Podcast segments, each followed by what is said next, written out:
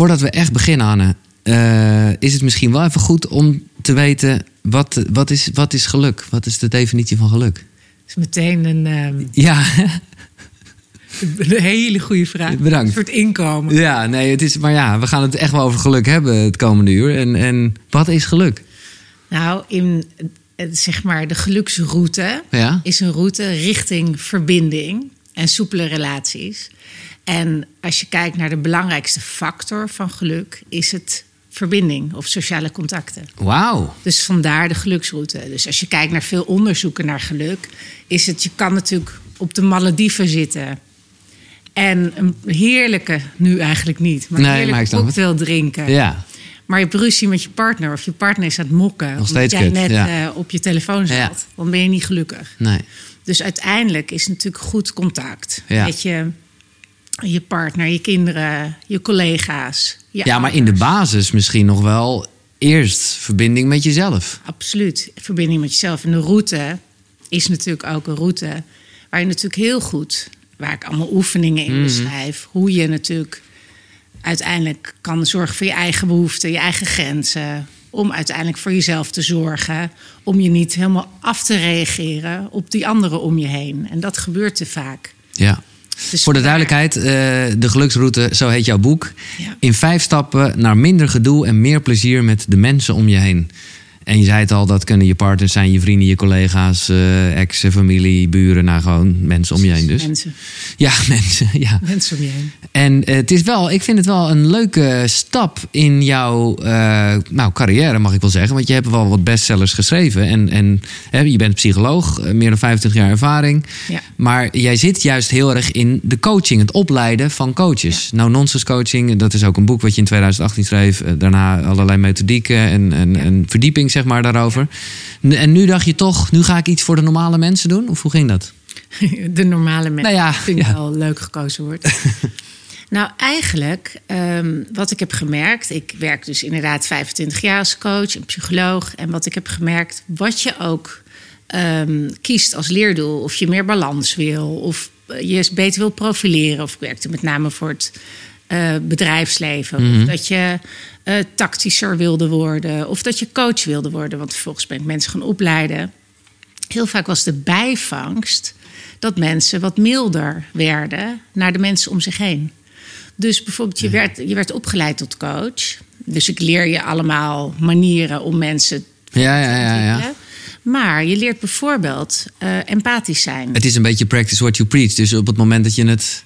Of bedoel je dat niet? Nou ja, ook. Maar je leert gewoon allerlei oefeningen waardoor je bijvoorbeeld empathischer bent naar Ja. mensen die je eigenlijk normaal niet ehm, eh, tot je vriendenkring zou. Nee, nee, eh, nee. nee, Oké. Dus er was een soort bijvangst Ja. waarvan ik dacht...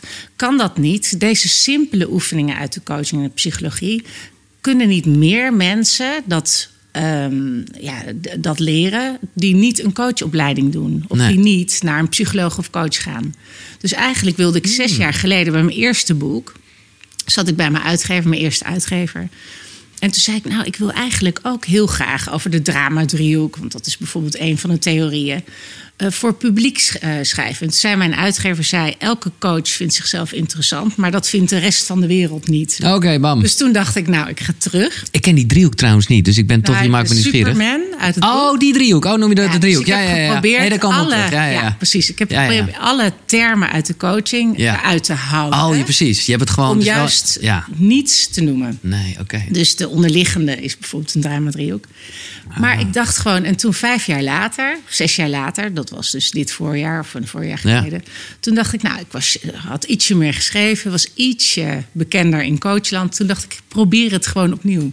Precies dezelfde vraag. En toen wilden ze het wel. Ah, lekker. Dus ik wilde dit altijd al. Ja. Ik dacht, het is gewoon zonde dat niet iedereen dit soort simpele oefeningen krijgt. Nee, het is, het is. Dat dacht ik. Nee, en het is gewoon heel erg. En dat zal dus ook eerder met de coaches gebeurd zijn. En dat gebeurt nu als je het leest. Het is een soort bewustwording waardoor je. Nou ja, het is niet steeds. Je bent je in ieder geval bewust van dingen. Daarmee kan je het al een beetje aanpassen. Precies. Lang niet En nog- altijd. nee, en nog is het heel moeilijk om het echt te doen. Ja, hè? ja. Dus om het dan echt in te oefenen. En, ehm, Dat klopt. Ik zeg het toch even erbij voor de luisteraars die geen beeld hebben. Ik raad het aan, want ik heb niet voor niks mijn huis opgeruimd. uh, wij zitten hier niet in de ademtoren zoals normaal gesproken. Wat we hadden afgesproken, maar het is een gekke tijd. Dus uh, wij zijn hier met z'n tweeën, zitten we lekker aan mijn eettafel. En, uh, heel mooi huis. Ja, bedankt. Ja, nu zeker nu het opgeruimd is. Of dan zo'n beetje opgeruimd. Uh, en ik ben heel blij dat dit gesprek toch kan doorgaan. Omdat, ja, nou ja, uh, uh, het is gewoon heel... Het is, het, is, het is voor alles qua ontwikkeling de tijd. Maar ja, de geluksroute, ik denk dat veel mensen wel even op het pad willen raken. In deze tijd. Ja, ja. natuurlijk uiteindelijk sowieso. Laten we beginnen met wat jij noemt. En ik begrijp nu dat er eigenlijk een hele theorie achter zit die uh, veel zakelijker is. Maar wat jij, jij noemt het zegelspaarders. Ik vind het leuk bedacht. Dat zijn eigenlijk nou ja, emmertjes die vollopen. Precies. Uh, kleine ergernisjes. Kleine die ergernisjes, je ja. Uitspreekt of niet accepteert. Hè? Nee. En dat is echt iets wat wij allemaal doen om de goede lieve vrede te bewaren. Of om geen gedoe te hebben. Precies. Geen gezeur. Nou, dat is het eigenlijk. Het is, het of is... omdat je al een keer op je bek bent gegaan. Ja. En denk, laat maar. Maar is het meer, uh, verschilt het persoon, is het meer angst voor jezelf? Van dat je je een beetje cringy voelt? Of is dat vaker ten opzichte van die anderen? Dat je een zegeltje spaart, ja. Ja. Verschilt. Ja. Dus sommige mensen, je hebt verschillende soorten zegelsparers. Ja. Maar eigenlijk waar zegelsparen over gaat, is dat je niet uitkomt of opkomt voor je eigen behoeften. Of niet je gevoel eigenlijk Nee. erkent. Hè? Je moet gewoon Of altijd clean blijven. Je moet gewoon, Eigenlijk- ja, gewoon. Ja, nee, maar. Eigenlijk moet je altijd clean blijven. Ja. Of altijd. Of als je één of twee zegeltjes voelt. eh, in je zegelboekje voelt, dan kijken wat ga je hiermee doen. Ja. Want een vol zegelboekje krijg je geen ehm pannenset of een eh, Dat Efteling Nee, nee, nee. dat, wat er gebeurt met een vol zegelboekje, en dat is zo naar, is dat je het inwisselt voor, eh, door te ontploffen. Ja. Door heel boos te worden. Ja. Maar soms, of door passief-agressieve, leuke, cynische grapjes te maken. Ja. Door roddelen. Maar wat ik het ergste vind en het treurigste is ook bijvoorbeeld huwelijken. mhm. Waar man, die heb ik wel ook in mijn praktijk gehad, Hmm. waar man na 15 jaar zijn koffers pakt. En vanaf het ene. En dat voelt dan als een, als een denkt, donderslag. Is er aan de hand, Jan? Ja, Piet. Ja, ja, ja. En hij is al jaren koud van binnen geworden. En hij kan zo naar buiten lopen. Of mensen die ontslag nemen. Ja. Omdat ze keer op keer gekwetst zijn door leidinggever en een collega. En mensen hebben het niet geweten. Want je gaat dan gewoon uit verbinding. Ik denk dat we dit allemaal kennen, want dan doet het geen pijn. En je denkt, is- laat het maar even zo. Dus je controlemechanisme. Ja. ja. Nou heb jij dus drie eh soort van personen omschreven. Je gaat dan toch, tenminste ik wel, en ik denk iedereen als lezer, automatisch een beetje bedenken wie je bent. Je kan ook een beetje van alles wat zijn, Ja, of niet? Of is het meestal wel dat je een van de drie bent? nee. Maar som, eh, nou, je kan ze in alles, kan je natuurlijk veel herkennen. Ja. Je hebt, laat ik het En- even benoemen, je hebt de ja-knikker, de superman en het masker. Ja. Om gewoon maar even eerlijk te zijn, ik denk dat ik toch wel heel erg het masker ben. Maar ik denk ook dat het... Je bent natuurlijk niet masker. Je herkent heel veel dingen. Ja, ik van Ja, nou ja. dat- wij hebben dat als... Ja, Ja. precies. Maar goed, daar, daar, daar, En wat we... herken je daarin? Welke Nou, gewoon- of identiteit herken jij? Nou, gewoon toch maar een beetje meegaan in wat de ander wil. Eh, Omdat je een makkelijk masker hebt. Of Ja. flexibel bent. ja. Of coole vent bent. ja, omdat ik gewoon het lastig vind, soms hoor, lang niet altijd, eh, om, om mijn ware zelf te laten zien. Ja, Omdat dat ook eng is, weet je. Kijk, als je de poorten open hebt staan, dan kan je geraakt worden. ja. Nou, en dat is waarom mensen een masker dan belangrijker vinden dan hun eigen behoeften. Ja. En, eh, omdat het heel kwetsbaarheid. En omdat het heel kwetsbaar is om echt te laten zien wat je nodig hebt. Nou, en even voor de goede orde, nu lijkt het net alsof ik dat heel bewust doe. Ja. Dat is natuurlijk niet zo. Het is niet, dat zou, dat zou nog bijna stoer zijn, een soort fijn dat ik met mezelf een pact heb gesloten. Maar dat, zo is het Nou, helemaal dan niet. zou het een keuze bij Dan zou het een keuze zijn, maar het is geen keuze. Het is iets waarvan je later wel voelt. Hé, hey, waarom, waarom voel ik me gewoon niet fijn? Ja, Ja. omdat je gewoon niet eigenlijk naar jezelf geluisterd hebt. Ja. Ja, en dat is wat, wat. En ik herken bijvoorbeeld heel erg dat ik heel lang ook het masker van sterk, sterke vrouw, Mhm. ik regel het wel alleen, Ja, op heb gezet. Ik kom natuurlijk heel ver met zo'n masker. Je komt overigens ook heel ver met de ja-knikker en heel ver met Superman. Ja. Zoals jij bent met je flexibele masker of gewoon leuke vent, leuk in omgang, kom je natuurlijk heel ver. Nee, jij zegt ook veroordeel het niet helemaal dat je er vanaf moet, want het brengt je ook ergens. Nou, je hebt het niet voor niks verzonnen. Nee. Dus dat heeft je heel veel gebracht. Ja. Alleen ik noem het in het boek, omdat in de metafoor van de route noem ik het het dwaalspoor. Ja. Je denkt heel lang dat je lekker bezig bent. Ja. Ik heb met mijn sterke vrouw eh, masker, als we het zo noemen, heb ik ook mijn bedrijf gebouwd. Ja. Ehm, ja, voed ik mijn kinderen grotendeels alleen op. Ik bedoel, Hmm. is er heel veel goeds gekomen. Alleen wat er vaak gebeurt is dat je geen keuzevrijheid hebt. Nee. Dat je het eigenlijk altijd moet doen. En daardoor ga je voorbij aan je eigen behoeften en gevoelens. En daardoor, op een gegeven moment breekt het je op. Ja. En breekt het je of zelf op, omdat je over je eigen lichamelijke grenzen gaan, Precies. gaat. Of in contact met anderen. Dat je toch op een gegeven moment denkt, in mijn geval, wie zorgt er eigenlijk voor mij? Dat ik ineens dan boos kon worden op iemand en die snapt het niet. Omdat je dus allemaal zegeltjes aan het sparen was zonder dat je Precies, wist. en misschien heb jij dat ook wel als je altijd flexibel bent of makkelijk of meegaand. Dat je op een gegeven moment denkt, wie houdt er rekening met mij? Ja, En daar, daarom is het dwaalspoor. En kom je uiteindelijk toch op die ongeluksroute. Ja. Dat je toch verwijdert. Dat je toch bozer wordt dan iemand verwacht. Herken je dat? nee. Nee, boos is een emotie die ik totaal niet ken, wat op zich ook dus niet goed is. Ik ben echt zo iemand. Verdrieten. Verdriet, precies. Dus op het moment dat ik eigenlijk. gekwetst. Nee, absoluut. Ja. Zeer Dus gekwetst. wel verwijderen vanuit Absoluut. Sterker nog, ik, ik, ik ben pas nou ja, nu, en ik zou bijna zeggen incidenteel eh, nog steeds, dat ik echt voel dat ik in verbinding ben. Weet je, dit is, maar goed, we hebben nu een gesprek. Ja, gevoelens. Dat Ik- je ik- voelt wat je nodig hebt. ik merk voor mij is het letterlijk echt. eh, hè, want dat, dat- uiteindelijk heeft het allemaal een soort connectie met elkaar. Ik denk, probeer vaker op mijn dag te denken, echt eventjes in mijn buik Ja. voelen Ja. omdat ik gewoon dan weet, ja, nou ook echt is verbinding met mezelf. Ja. En hoe vaak ik dat wel niet voel, of dus niet voel, Ja. dat ik denk, oh nee, ik, ik, ik ben helemaal niks aan het voelen, joh. Ik ben gewoon in een rol. ja, en hoe mooi is het dat je dit dus oefent. Ja, Dus dat je dit misschien nu wat geforceerd, Ja. misschien Nou moet ja. je dat bewust doen. En dit is precies zo'n kleine oefening die bijvoorbeeld hier ook in staat. Dat ik denk, hoe fijn is het als mensen dat vaker doen? Ja. Als je even voelt voordat het te laat is, voordat je stress krijgt, voordat je ontploft, voordat je gewoon toch iets heel stom vindt, dat je het even voelt bij jezelf. Nou ja, maar dat is ook, maar dat is juist de weg. Dat kan ook ongemakkelijk zijn natuurlijk. Ja. Eh, En onprettig. en precies. Ja. Want, want die, je hebt er toch een soort workaround in gevonden. Maar laten we voor andere mensen die luisteren eh, ook even de andere. Nou ja, ik denk dat masker, dat een hoop mensen dat kennen. Ja. Eh, de ja-knikker. Eh, dat is iemand die ja, eigenlijk ook een soort masker op heeft, zou je kunnen zeggen. Want die zegt gewoon op alles ja. Ja, en feitelijk zit daar waarschijnlijk een masker op als eh, ik ben eh, ook of heel makkelijk of Ja. altijd lief of harmonie. Maar de uitingsvorm is bij de ja-knikker wel heel erg eh grenzeloos. ja. Dus ehm, in de zin van grenzeloos veel doen. Ten opzichte van jezelf, Ja. grenzeloos. Grenzeloos van, ten opzichte van jezelf.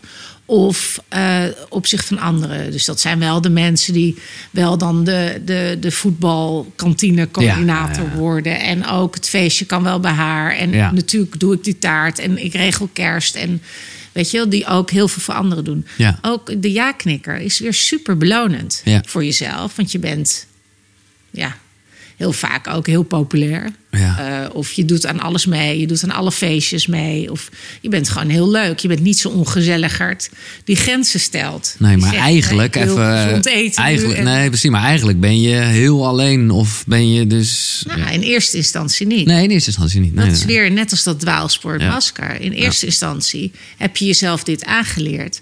Maar in die end ehm, zorg je niet voor jezelf. En, en mijn boek gaat natuurlijk heel erg over eh, gedoe met anderen. Ja. ja, in die end kan je de ander kwalijk nemen...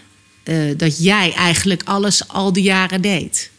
Dat is Of natuurlijk wat er altijd gebeurt. ook, dat ja. jij alles voor iemand deed. Ja. Dus ik vertrouw, ook omdat ik me hier heel erg mee bezig gehouden heb, omdat ik die ongeluksroute ook heel goed ken. Ja, precies. Ja, niet voor niks Nee, nee, nee, dat dat je op zo'n onderwerp komt. Nee. Ik ken die reflex als geen ander. Ja. En in mijn geval was het altijd uit bozigheid.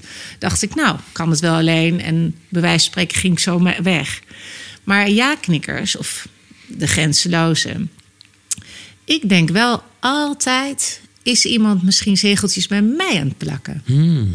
Dus ik vind het wel, ik denk altijd, het kan niet dat iemand alleen maar opoffert, opoffert, Nee. opoffert. Dus dan denk ik wel, in hoeverre plakt iemand een zegeltje? Ja. Of vraag ik dat? Of ik heb bijvoorbeeld een collega.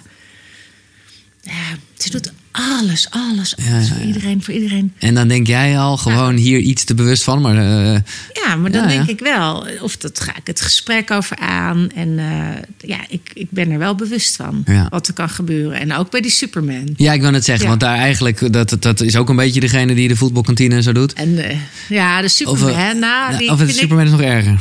Nou, ja. Nou, de Superman, ik denk dat we die allemaal wel kennen. En ik heb. Ik heb Ja, wat, ken je hem? Nou ja, Ja? Ik, jij hebt me vooral echt iets geleerd dat ik dacht: ja, eh, anderen helpen is pas leuk en zinvol als de ander dat ook wil. En dat is het hele principe natuurlijk van coaching. Ja, maar dat is wel. Ik, ja, voor jou is het misschien een soort gesneden jou? koek. Nou, dat? dat ik dacht van ja, maar dat, hoe vaak gebeurt het niet dat mensen dus inderdaad in een adviesstand eh, springen. Ja. En ja, daar zit je dan helemaal niet op te wachten. En dan is het goed bedoeld. En dan kan je denken, oké, de intentie is goed. Maar het is fucking irritant. Nou, maar soms is het ook wel lekker. Maar wat er natuurlijk de Superman doet... eh, Feitelijk vind ik dat soms is dat mijn lievelings. Maar Ja? dat maakt verder niet uit. Wat er natuurlijk gebeurt. Jij eh, hebt het een beetje moeilijk. Of jij Ja, ja, ja. Of je hebt het lastig op je werk, nou wat dan ook. Ja, En feitelijk zeg ik, ik los het wel even voor je op Giel. ja. Weet je wat jij zou moeten doen? Eh, je moet dit doen, je moet dat doen. En eh, nou, dat vind je best wel lekker. Dan denk je, ja, prima. Maar ik verwacht er wel wat voor. Ja, dat is het. Ja, Namelijk ondertussen. jouw dankbaarheid en Ja. dat je er ook wat me- mee doet. En als het langer gebeurt, of als jij in een relatieprobleem zit en ik geef al mijn energie aan jou, Ja. ik vind wel dat je het op moet lossen. En dan ontstaat het energielek en dan word ik opeens, nou, in het boekje staat een boze Superman. Ja. Of voel ik mezelf slachtoffer, of word ik een beetje boos. Maar het is een tamelijke cynische kijk op de mensheid. Dat je eigenlijk stiekem altijd wel eh, iets terug verwacht. Niet als je ervoor kiest. Nee, precies. Dus ik, ik pleit voor helpen. Ja. Maar ik heb wel, als ik iemand help, of, eh, dan denk ik wel altijd: wil ik er niet stiekem wat voor terug? Ja. Dat iemand ook moet veranderen. Ja, ja precies. Dus, en, en ik geloof wel heel erg in eh, dat iedereen zijn eigen verantwoordelijkheid kan dragen, ook voor hulpvragen. Ja. Dus bij mij, mijn vriendinnen of bij mijn Ja, ja, ja. vriend, die overigens ook coachopleiding heeft gedaan, dus dan zit die Jullie zitten daar, eh, ja, oké. maar eh, ik geloof er wel heel erg in. Als hij ergens mee zit of mijn vriendin ergens mee zit, dan is het wel van: wil je, wat vind je fijn? Vind je het leuk om gewoon dat ik gewoon luister? Of wil je een tip?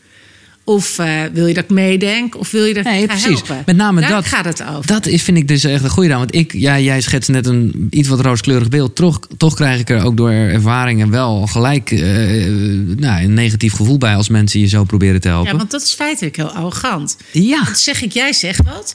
Ik ken jou net. En dan weet ik wel voor jou. Terwijl jij jezelf, weet ik veel, 41, 42, Ja, ja, ja. weet ik veel, 43, dank je. 43 Ja. jaar kent. Ja. Dan zou ik het wel even weten wat jij zou Ja. moeten doen. Nee, en ik weet dat het goed bedoeld is. Kijk, ik ben iemand Maar die. mensen vinden het lekker. Ja, mensen vinden het wel lekker. Want je Nou, ja. wil, als Ja. mens, wil je de ander helpen. Iemand die soort in een kindstuk zit... dat vind je prettig om daar wat voor te doen. Daar krijg je een soort verbinding door. Ja, maar je staat er automatisch boven. Dat is wat je doet. En dat is de, ja. Ja. Dus eh, voor de echt de hulpgevende, ik, ik nogmaals, ik snap echt de intentie, ik eh, keur het niet af. Maar ik vind het wel dus echt een goede van jou om altijd ook even te checken of die ander daarop zit te wachten. Ja, en dat kan er helemaal in. Gewoon, Hoe bedoel je, dat kan er helemaal in? nou ja, dat zit helemaal in mijn zijn. Ja, ja, ja. ja. Dat als er wat is, maar wat het, eh, de, je hebt ook de Superman. Die vindt dat jij een beter leven zou kunnen hebben. Hè? Ja. Dus dan vind ik dat jij geen cola meer moet drinken, bijvoorbeeld. of ik vind dat jij een beter werk kan hebben of een betere partner. Dat zijn nog de, supermerk, de, de supermannen die ook nog denken. Of de, de, de, iemand die Mm. wat ontdekt hebben bij zichzelf en dat opdringen aan anderen. Die vragen helemaal niet wat jij Nee. ermee wil. Hè? Nee, dan dus dan heb het- je niet eens geklaagd. Nee. Maar goed, dat is even over Superman. Ja. Wil je nog cola trouwens? Nee hoor. Oké, ik vind het niet meer. Nee, jawel, ik vind het heel leuk omdat ik gewoon eh, lange tijd niet een eh, soortgelijke cola junkie heb ontmoet. En ik ben er even vanaf. Ik was, nee, ik heb je dat er net uitgelegd. Dat mijn dus twee blikjes in mijn tas. Ja, je hebt gewoon, ja, maar dat kende ik gewoon. Ik wist niet dat er meer mensen waren die gewoon cola met zich meesmokkelden voor de zekerheid. Maar ik heb genoeg in huis, ik drink het zelf niet meer. Maar ik vind het wel interessant, omdat dat, dat lijkt me zo moeilijk voor iemand zoals jij die nou ja, een lange staat van dienst heeft. Nou ja, je schrijft niet voor niks dit boek. Dus ergens heb je de wijsheid in pacht, maar blijf je ook een mens. Bijvoorbeeld, nou ja, dat cola drinken is dan niet zozeer een, een psychologisch ding, maar ook weer wel. Ja, nee, precies. Hoe moeilijk is dat om jezelf, om zo bewust te zijn van dingen die je zelf dan waarschijnlijk ook niet goed doet? Je bedoelt, hoe moeilijk is het voor mezelf? Ja. Of hoe moeilijk is het om anderen te zien waarvan ik denk, je zou iets anders? Wat is Nou, dat laatste, dat is gewoon ook een beetje je werk. Je mag aannemen dat je daar goed in bent en dat je dat met vrienden en familie enigszins kan uitzetten. Ja. Maar ik bedoel het meer echt naar jezelf toe. Omdat je gewoon, ja, je gaat ook helikopteren. En Ja. nou ja, eh, hoe, ja, hoe verklaar je dat eh, cola drinken voor jezelf? Ja, ja, dat, maar ik kan wel cola drinken, voel ik niet als issue. Ik Nee. als soort Nee, dat is eh, zo. Grappig nog vinden. Maar wat ik wel. eh, eh, het is natuurlijk dat je heel erg bewust Ja. bent. Als ik bijvoorbeeld. Ik, in dit boek gaat natuurlijk heel erg over kwetsbaar tonen, eerlijke gesprekken, geen zegels sparen. En ik heb bijvoorbeeld eh, twee pubers thuis. Ja, nou. En ehm, dan kan ik nog wel eens. En dat is natuurlijk verschrikkelijk om pubers thuis te hebben. Dus dan, dan ga ik bijvoorbeeld toch lief ontbijt maken. Mijn zoon is twee, langer dan twee meter. En dan ga ik toch heel lief een ontbijtje maken. En dan ga ik toch zijn vieze handdoeken Wat opruimen. op zich allemaal dan- prima is. Als het een keuze was. Exact. Maar ineens, dan Ja. denk ik toch, eh, dan hoor En ik heb dit al gedaan zeggen, en dat gedaan. Wat ik allemaal voor hem gedaan Ja. En dan zegt hij, mama, jij schreef toch de geluks. Ja? Oh, ze zijn wel sharp. Oh, lekker. Ik Ja, dat is top. Maar ik moet wel zeggen dat dit boek heb ik wel geschreven... omdat ik echt een aantal oplossingen in mezelf... bijvoorbeeld dat redden doe ik niet meer. Nee. Ehm, dat zie ik, maar... eh, ja, maar dat is, ik ben, ik ben ben geen ouder, maar dat is ook. Dat, dat zit er gewoon in, toch? Ik bedoel, en ergens is dat misschien ook goed om de behoefte te voelen om je kind. eh, of, of is het niet goed? om je kind eh, Te redden. helemaal- Ja, maar wel weer. Het is precies hetzelfde met een Ja. kind. Het is precies, kies je ervoor om even dat mueslibakje. Of krijgt hij er, als hij niet dankbaar genoeg is, dat hij muesli gevoed krijgt van zijn moeder, krijgt hij van langs. Dus bij je puber of bij je kind, ik zie geen verschil eigenlijk. Nee. Het gaat erom dat je niet gaat optellen. En je vroeg, Ja. hoe is het om zoveel wijsheid te hebben eigenlijk? En dan. eh, nou, ik dus met mijn kinderen kan ik er tegenaan lopen. En natuurlijk, ik bijvoorbeeld twee weken geleden... en dan voel ik me ook een beetje betrapt... vind ik vond wat van eh, mijn moeder. Ja. En ehm, ik vond namelijk... Nou, het was, ging overigens over geluksroute. Mijn moeder die liep... eh ehm, je denkt natuurlijk, hé, hey, dit gaat ze misschien horen. Ja, ja ik voelde, ik voelde de hapering. Ik denk, dit is Ik een eerlijk even verhaal. haperen, Nee, maar heel ik ga goed. toch even door. Ehm, zij eh, is heel trots op dit boek en is verteld in de omgeving dat Ja, haar dochter Ja, en, eh, in de Mooi. media, nou la la, je kent wel, maar heeft het zelf niet gelezen. Oh, En ik vond er toch wat van, vond het toch een beetje moeilijk. En ik ging het wel tegen mijn vriend zeggen. En, maar ik dacht, ja, ga het niet zo kinderachtig moeten doen. En dan denk ik wel, hè, dit staat in mijn boek. Ja. Want ik ging er ook niet bellen. Nee. Dus dan denk ik, ja, heb ik een keus, geluksroute, ongeluksroute. Dus ik, dit boek op zich, grappig genoeg, helpt wel. En toen ben ik toch het gesprek aangegaan. Precies zoals ik dan schrijf. Ja. moet ik natuurlijk ook goed doen. ja. Nou, en Nou, dat is echt. heel- eh, ik hoop we, de, ja. we gaan het eerlijke gesprek en de zes stappen die erbij horen, eh, gaan we echt nog wel bespreken. Ja, Want dat is, en dat is ook de essentie van het boek. Dus Ja. eh, ik moet eerlijk zeggen, daar moet je het ook echt voor lezen. Want dat kunnen we lang niet eh, Ja. eh, zo uitleggen. Maar... En, en lu- lucht op en alles nou, oké. het leuke was, ik heb het gedaan. Ja. En precies wel eh, in de rust en de eerlijkheid, kwetsbaarheid. En dat, toch vond ik het heel, ik vond het heel moeilijk. Net die hobbel die iedereen Ja. ervaart. Ja. Het is echt een eerlijk gesprek. Heb je gewoon weerstand. Tuurlijk. En wil je vermijden en denk je gewoon zo belangrijk is het niet. Nee. Of ik doe het gewoon niet. Of iemand verdient het niet. Nou, je kent al die smoes wel. En dan doe ik het. En zij heeft zo mooi kunnen uitleggen. Eerst een beetje verdedigen. Ja. En vervolgens heeft ze kunnen uitleggen dat ze het zo graag heel goed wil lezen. En de oefeningen wil doen. En dat haar hoofd niet zo goed werkt de laatste tijd. En dan krijg ik weer mailtijd, empathie. En dan is er toch Mhm. weer connectie. Hè? Oké, laten we het gelijk maar even doen, want we gaan hem kort door de bocht dan eventjes eh, doornemen. En dit is echt, nou, dit is bijna iets. Ik zat wel met iets wat ik nog met iemand heb.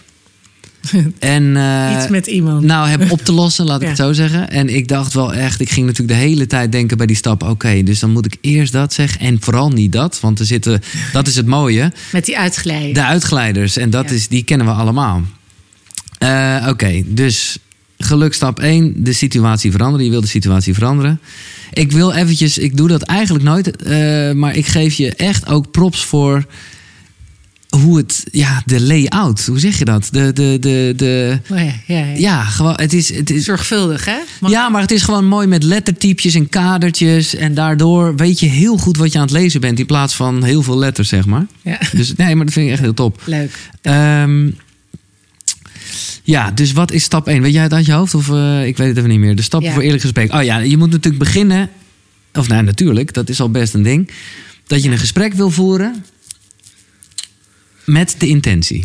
Nou, zeg maar, het is een eerlijk gesprek, kwetsbaar gesprek. Of zeggen, nou in dit geval dan mijn moeder. Ja. eh, Of maar wie dan ook, je partner, je collega, je, wie dan ook. Ja, het is gewoon, zodra je weet dat iemand iets tegen je gaat zeggen... wat misschien minder leuk is... dan voelt je brein al van eh, eh, defense, defense, Dus defense. totaal niet de aanval kiezen in Insta, maar gewoon Nee, alleen maar dus- zeggen: "Eet- dit voelt even niet lekker en ik wil het goed maken. Precies, je positieve intentie. Van, Ja. Ik wil een betere samenwerking. Ik wil een Ja. hele goede relatie. Ik zeg dit omdat ik het zo graag, omdat ik je zo belangrijk vind. Dat is een heerlijk Dat begin. maakt je brein al Oké, rustig. dit is oké. Dit Maar dat is moeilijk Ja, als je boos bent, moeilijk, hè? want je wil gelijk zeggen wat de kut is. tuurlijk. Nee, precies. Dus je begint eerst En te je zeggen. bent gekwetst. Ja. Je hebt een eerlijk gesprek vaak omdat je, ja, omdat je of gekwetst bent, teleurgesteld bent. Ja, dus het eerlijke gesprek kan bijna niet in de heat of the moment, toch? Of, eh, Als je echt een professional Ja, bent. maar dat bedoel ik. echte gekwetste niet. nee, maar goed, daar denk je dan later even over na. En dan begin je dus altijd met gewoon waarom je dat gesprek wil. Nou, dat is met de goede intentie. Eh, Ja, om, de- om dan die hersenen van die andere een beetje kalm te krijgen. Ja. En, En, maar wat Ja? natuurlijk dan al kan gebeuren, is dat je zegt: Ja, ik wil dit gesprek omdat ik het niet meer wil, dat je het belachelijk doet. En Nee, nou, dan ben je al meteen weg. het woord niet mag er niet in, in, in voorzetten. Dus, dus ja, dat vind ik echt. Maar dat is wat je gaat, eh, gaat zeggen van... Ik wil, nou jij hebt hier de voorbeelden, ik heb het hier voor me. Eh, ik wil graag dat je mij minder buitensluit. Nee, je Ja. zegt ik wil graag prettiger samenwerken. Precies. Dat ja. is essentieel. De eerste stap is dat. Dan is de stap twee is... En dat is ook wel moeilijk. Want dan ga je heel concreet noemen Ja. wat je dwars zit. Of wat je eigenlijk nou, wat bij de ander echt fout is. Of nou ja, fout wat Nou, je... je gaat benoemen. Ja. Heb je een voorbeeld van iemand? Uit je- eigen... Nou ja, om het eh, helder te maken. Ik Nou, laten we even bij je moeder blijven. Ik ben heel benieuwd. Nou, wat concreet. Dus wat je gaat noemen. Dus jij zei, ik baal ervan dat jij... Oh nee, dat mag wel niet. Omdat ik zo voor jou, hè? Ja, Ja, ja, gesprek. Dat Ja. was de eerste. Hè? Ja, En dan zeg je eh, de feiten. ja. Maar dat is al heel moeilijk. Maar de feiten zijn natuurlijk... Ik heb een boek geschreven en ehm, je hebt het nog niet gelezen. Eh, en eh, je hebt verteld wel aan heel veel mensen dat ik het heb geschreven. Dat, daar kan ze niks tegen Nee. brengen. Dus je moet het zo feitelijk mogelijk houden... Maar zonder gelijk oordelen erover. En waarom? Ja, precies. Maar waarom moet je dat doen? Dus ook als je collega. eh, ik had bijvoorbeeld iemand in coaching. En eh, haar collega ging de hele tijd met de eer strijken van het project. Mhm, ja. Dus in, een, in die boodschap ging ze dus zeggen: Ja, want jij gaat er steeds vandoor. Die collega wist niet wanneer. Ehm, hij wist niet wanneer hij dat deed. Dus je moet eerst zeggen: in een vergadering noem jij altijd het woord ik in Altijd. plaats van wij. Altijd. Oh, ja, Altijd mag niet. Ja, zie je wel zo moeilijk. Altijd mag niet. Nee, dus noem jij Heb in jij- die vergadering... ja, heb heel concreet één keer, Ik ja. in plaats van wij genoemd. Ja. En dan weet hij tenminste waarover het gaat. Ja. En dan is het effect op mij. Precies, dat is stap drie. En dan ga je zeggen dat heeft een effect op mij. En dan mag je gewoon wel je gevoel erin gooien, of niet? Dan voel ik dit. Ja. Of dan, dan denk ik dit. Maar wat ik interessante uitglijder vind, en die hoor je veel, joh, die semi-gevoelens. Ja. Zo van, Dan, ik voel me aangevallen, ik voel me afgewezen. ja, ik voel me arrogant behandeld door jou. Ja. Giel. En dan, ja, dat is natuurlijk geen gevoel. Daarmee zeg ik, jij in, in, indirect zeg ik, jij behandelt mij arrogant. Of jij valt mij aan. Ja. En dan gaat iemand zich weer verdedigen. Ja. Ik, wil, ik val je niet aan.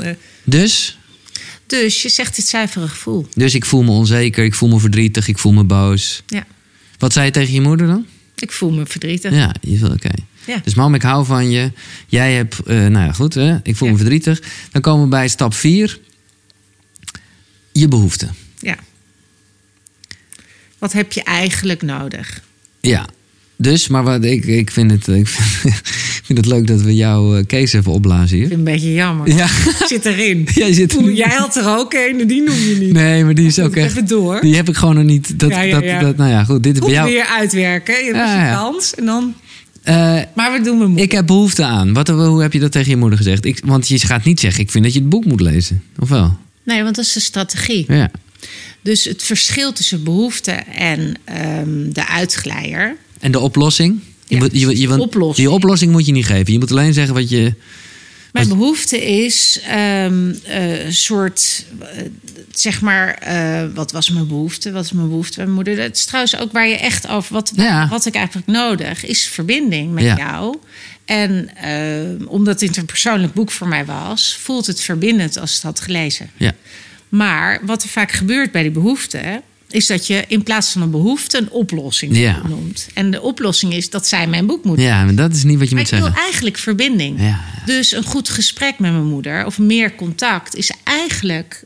Ze had dat boek niet hoeven Ja. lezen. Ik wil gewoon contact. En mag ik één voorbeeld noemen over een iemand die ik in coaching had? Vond ik zo mooi. Een, eh, oudere, een ouder echtpaar die hadden heel veel problemen sinds hun pensioen. Hadden ze ruzie. Want zij wilde heel graag wijntjes drinken. Ze woonde heel mooi aan het water. Weet je, om vijf Ja, ja, gewoon lekker. eindelijk met pensioen, Ja. niet meer zo gehaast. Gaan we leuk wijntjes drinken en over onze dag praten. Maar hij wilde op reis. En ze kreeg voortdurend ruzie. Want zij wilde niet reizen en hij wilde geen wijn drinken. Uiteindelijk hebben we gesprekken gehad. En toen kwamen ze allebei, hadden ze dezelfde ver- eh, Ja, ja, behoefte aan verbinding. En konden ze het vervolgens heel mooi oplossen. Als je het over je behoefte hebt. Dus met mijn moeder is de behoefte contact met haar. Ja. Gewoon meer contact. Maar dat betekent ook dat je voordat je dit eh, gesprek voert... ook dus heel erg in jezelf moet gaan kijken. En daarom wat jij zegt. In de hier, Tuurlijk is het verbinding met jezelf. Ja. Moet ik heel goed voelen. Gaat het Waarom? eigenlijk om het boek? Het gaat natuurlijk helemaal niet om dit boek. Het gaat om dat ik haar mis. Ja, ja, ja. En maar via dit boek was mijn oplossing om over dingen te praten. Maar dat moet je echt wel aan jezelf... Ja. Dan moet je echt En wel dat inzicht krijgen. stappen zijn dus niet zomaar technische stappen. Nee. Bij elke stap moet je heel goed voelen. Wat heb ik eigenlijk nodig? We maken het even af, want dan komt stap 5. Dat is heel erg dat je, hè, want je hebt heel erg vanuit jezelf gezegd wat je behoefte is. En dan komt een beetje de, de ja, ik zou willen zeggen spiegeling, of in ieder geval dan haal je de anderen erbij. Ja, dan zeg je van... Hoe is dit voor je om te horen? Ik Ja, hoe is dat, dat je ja. schrikt. Ja. Eh, jeetje, ja, dan krijg je ineens deze lading eh, van mij. eh. dus eigenlijk geef je de ander ruimte om te uiten. Ja. Eh, ja. Ja, dat is wel echt een mooie, sowieso in een gesprek. Ik bedoel, En eh, daar begint het gesprek eigenlijk ja. natuurlijk pas. Hè? hoe, hoe, hoe- ja, dat is echt, dat, dat zou ik zelf ook vaker moeten zeggen. Hoe voelt het bij jou dat ik dit nu zeg? Dat is echt mooi om te zeggen. Ja, en wat gebeurt er in jouw Ja, hoofd? ja, ja. Want dit is allemaal in mijn hoofd gebeurd. Hè? Dit, Ja. het is natuurlijk klein, maar ook groot. En het raakt natuurlijk andere pijn. En ik bedoel, dat is altijd in dit soort dingen. Het raakt natuurlijk heel veel andere dingen. ja. En eigenlijk gebeurt het. Er gebeurt vervolgens wat in jouw hoofd, of in mijn voorbeeld, Ja. in mijn moeders hoofd. Ja. Dus als ik dan meteen zou zeggen. Dus je moet nu. eh, mijn verzoek is dit. En daarmee is basta. Feitelijk, dat zie je ook heel vaak in echtparen. Ik zie veel echtparen Mhm. in eh praktijk. En dan eh, vervolgens sluit het af. Dus jij moet vanaf nu eh, mij tien complimenten per dag geven. Ja. Dus je moet dit Ja. doen. Zonder gehoord te hebben. Maar wat gebeurt er eigenlijk in jouw hoofd? ja, precies. En hoe gaat dat in dit geval rondom dit boek met jou? Of wat heb jij gedacht toen ik dit zei? En hoe kunnen we dit oplossen? Want uiteindelijk, om even de, de, zesde stap te maken, dat is pas, na dus deze hele introductie, is uiteindelijk je verzoek of je wens. Ja. Dus dat is wel degelijk een beetje de oplossing vanuit jezelf gedacht. Maar daar, En dat kan ook gewoon, ehm, je verzoek op wens kan ook zijn, ik wilde je even in mijn hoofd laten kijken. Ja. Wat er gebeurt. ja, precies. Ja, en wat er heel ja. vaak gebeurt. Dat is een mooie ook. Als ik vind dat jij me gekwetst hebt, eh, Giel, jij hebt me gekwetst. Ja. Jij hebt iets, eh, wij zijn collega's of partners en jij hebt iets bij me gedaan. Dan vind ik dat jij eh, jezelf moet veranderen, zodat ik me weer beter voel. Dus het verzoek wordt een eis tot verandering van jou. En dat is natuurlijk heel vaak, jij kwetst mij. Dus die oude feedbackregels in het bedrijfsleven hè, Mhm. zijn eh, concreet gedrag. Dit voel ik, dus jij moet veranderen. ik, ik kan er niet tegen dat jij te laat komt, dus je mag niet meer op, mag Nee, niet ja. komen. Dus dat vind ik zo, dat kan niet. Het Nee. gaat natuurlijk heel erg over, ja, dit gebeurt in mijn hoofd. Als Dus ik laat je daar even kennis, En eh, misschien ja. ben ik een beetje gek. En Ja. de ander kan dan. eh, maar en dan kan je op het einde zeggen, en dus, dus ik zou het fijn vinden. Dat is wel wat het je zou moet heel fijn zijn, maar hoe kijk jij ernaar? En wat natuurlijk heel vaak eh, mensen denken ehm, om zichzelf, ja, ik wil me beter voelen, dus jij moet veranderen. Dit is heel vaak het, het, het denken. En mensen denken niet van, ja, ja, in autonomie. Jij mag, hoe gaan we dit samen oplossen? Jij hebt je behoefte, ik heb mijn behoefte. En hoe kunnen we dit naast elkaar leggen? En wat mij betreft gaat het boek ehm, wel voor een groot deel hierover. Zelf kwetsbaar zijn. Mhm. Ja. Ook de kwetsbaarheid van de ander. Het samen naast elkaar te ja. leggen. En niet jezelf met pijn en reflexen en teleurstelling om de oren slaan. Nee, precies. Nou, dan hebben we de stappen gehad. Jij zegt er nog bij, dat was, want ik ging ook bijna gewoon het hele zes stappenplan zo maken. Van dan zeg ik dit, Ja. zeg ik dat. Jij zei er gelukkig nog wel bij dat je dat niet via de WhatsApp mag doen. want dan voel je gewoon, bam, de zes vragen. Bij wijze van spreken, dat kan natuurlijk echt niet. Dit is gewoon wel echt... Nou, eh, weet je waarom niet? Ehm, Nee, dan is het geen dialoog. Dan, dan, dan is het- precies, ja. eigenlijk door die vijfde stap. ja. Hoe voelt dit bij jou? Ja. ja. Dat is het eerlijke gesprek. En een, een essentiële, nou, essentieel punt van het boek. En nogmaals, wij gaan er nu bam, bam, bam doorheen. Eerlijk gesprek is natuurlijk gebaseerd op ehm, eh, gelijkwaardigheid, maar ook om gewoon je kwetsbaarheid te kunnen tonen. Ja. Niet wat er vaak gebeurt. Als ik nog een heel klein toevoeging Ja, ja, ja. Ehm, je hebt de magische vraag van eh Brene Brown, hè? Ik weet niet of je die Nou, Brene Brown ken ik. zin van Brene Brown. Van ik ben goed genoeg? Of nee, wat is Nee, de... nou, ja, zij heeft er, paar. heeft er een paar, ja.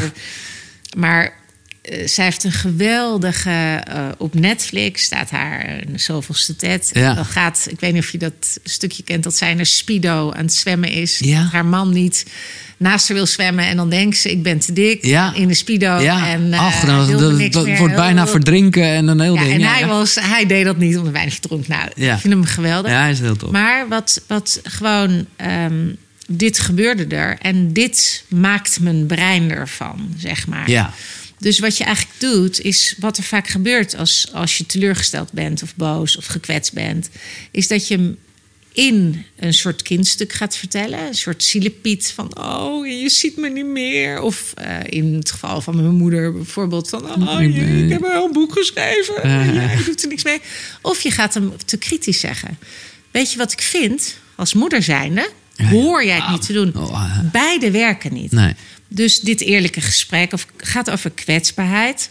En om eh, te vertellen wat je voelt, te vertellen wat je vindt, zonder in je gevoel het te gaan zeggen of zonder in je boosheid het te gaan zeggen.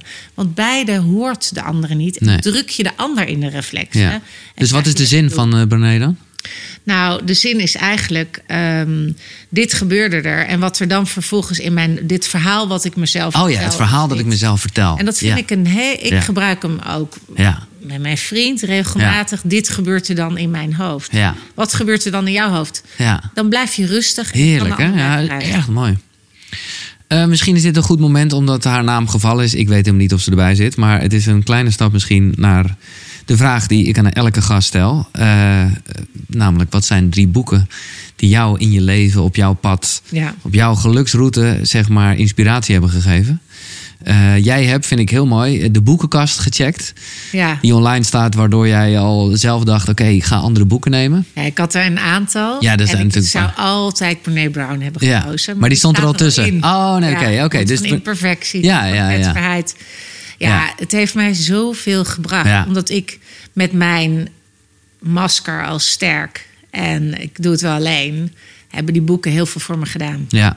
Nee, bij Dus- mij ook hoor. Eh, Maar dat is gewoon meer. Voor mij was het meer het. ervan?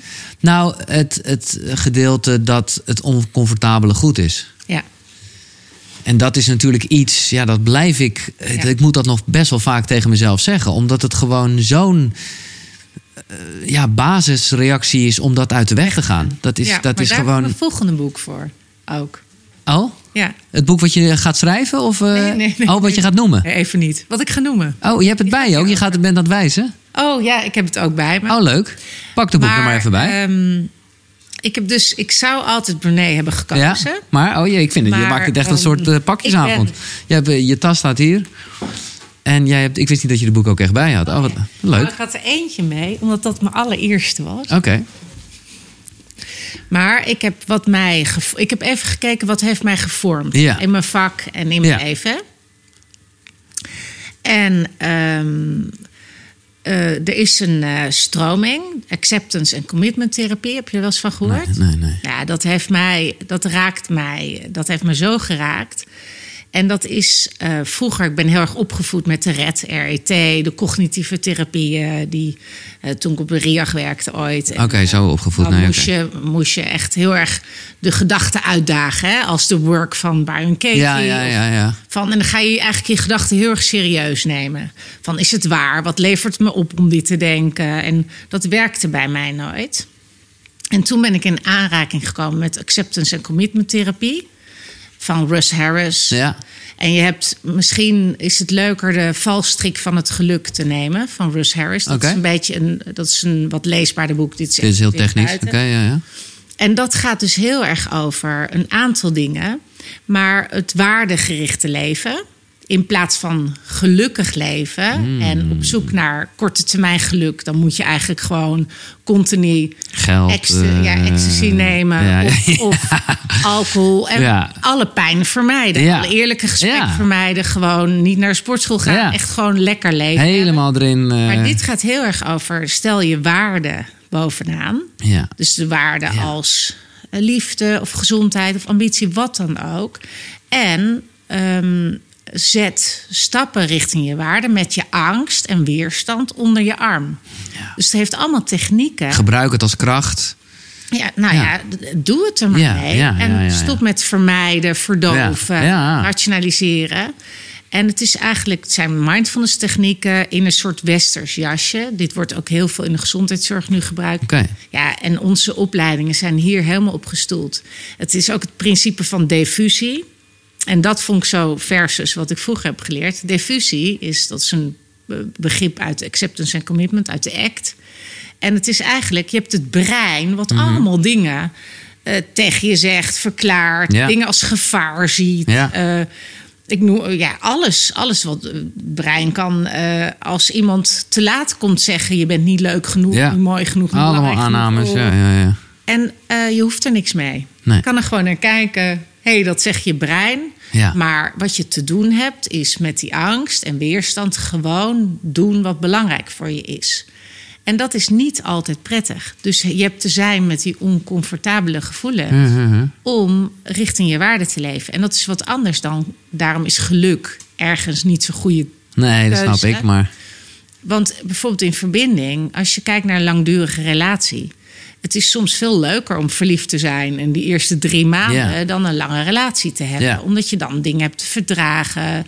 Eh, je moet gedoe oplossen. Je moet over. eh, je moet sorry zeggen. Je moet over dingen heen stappen. Je moet dingen accepteren die er zijn gebeurd. Nou, daar gaat dit heel erg over. Nou, ik gooi weer even de sublijn van Koekeroe erin. Eh, niet zozeer om je beter te voelen, maar om beter te worden in voelen. Ja, maar dit is het. Dus dit, gaat, dit is helemaal. eh, Ja. dus echt leuk voor je om te lezen. Ja. Hele mooie. En nog even dan, want ik vind het een woord wat ik wel vaak heb gehoord. Wat is dan precies de term diffusie? Diffusie is dat je eigenlijk afstand neemt van eh, Ja, ja. de gedachten. Ja. Die zeggen: Ik kan het niet verdragen, ik moet hier weg. Iemand, eh, weet je wel, ik kan het niet aan. Al die gedachten. En het gaat ook heel erg over identiteitsfusie. Hè, met eh, ik ben Ja. beslappeling, of ik kan dat niet, of ik ben niet zo'n type, of ik ben sterk. En Dus het is ook een soort bewustwording van, noem het het ego, of hoe je dat ook Ja, wil. absoluut. Ja, ja, ja, oké. Ja, in een, in een mooie eh, cognitieve ehm, ja, Ja. jasje.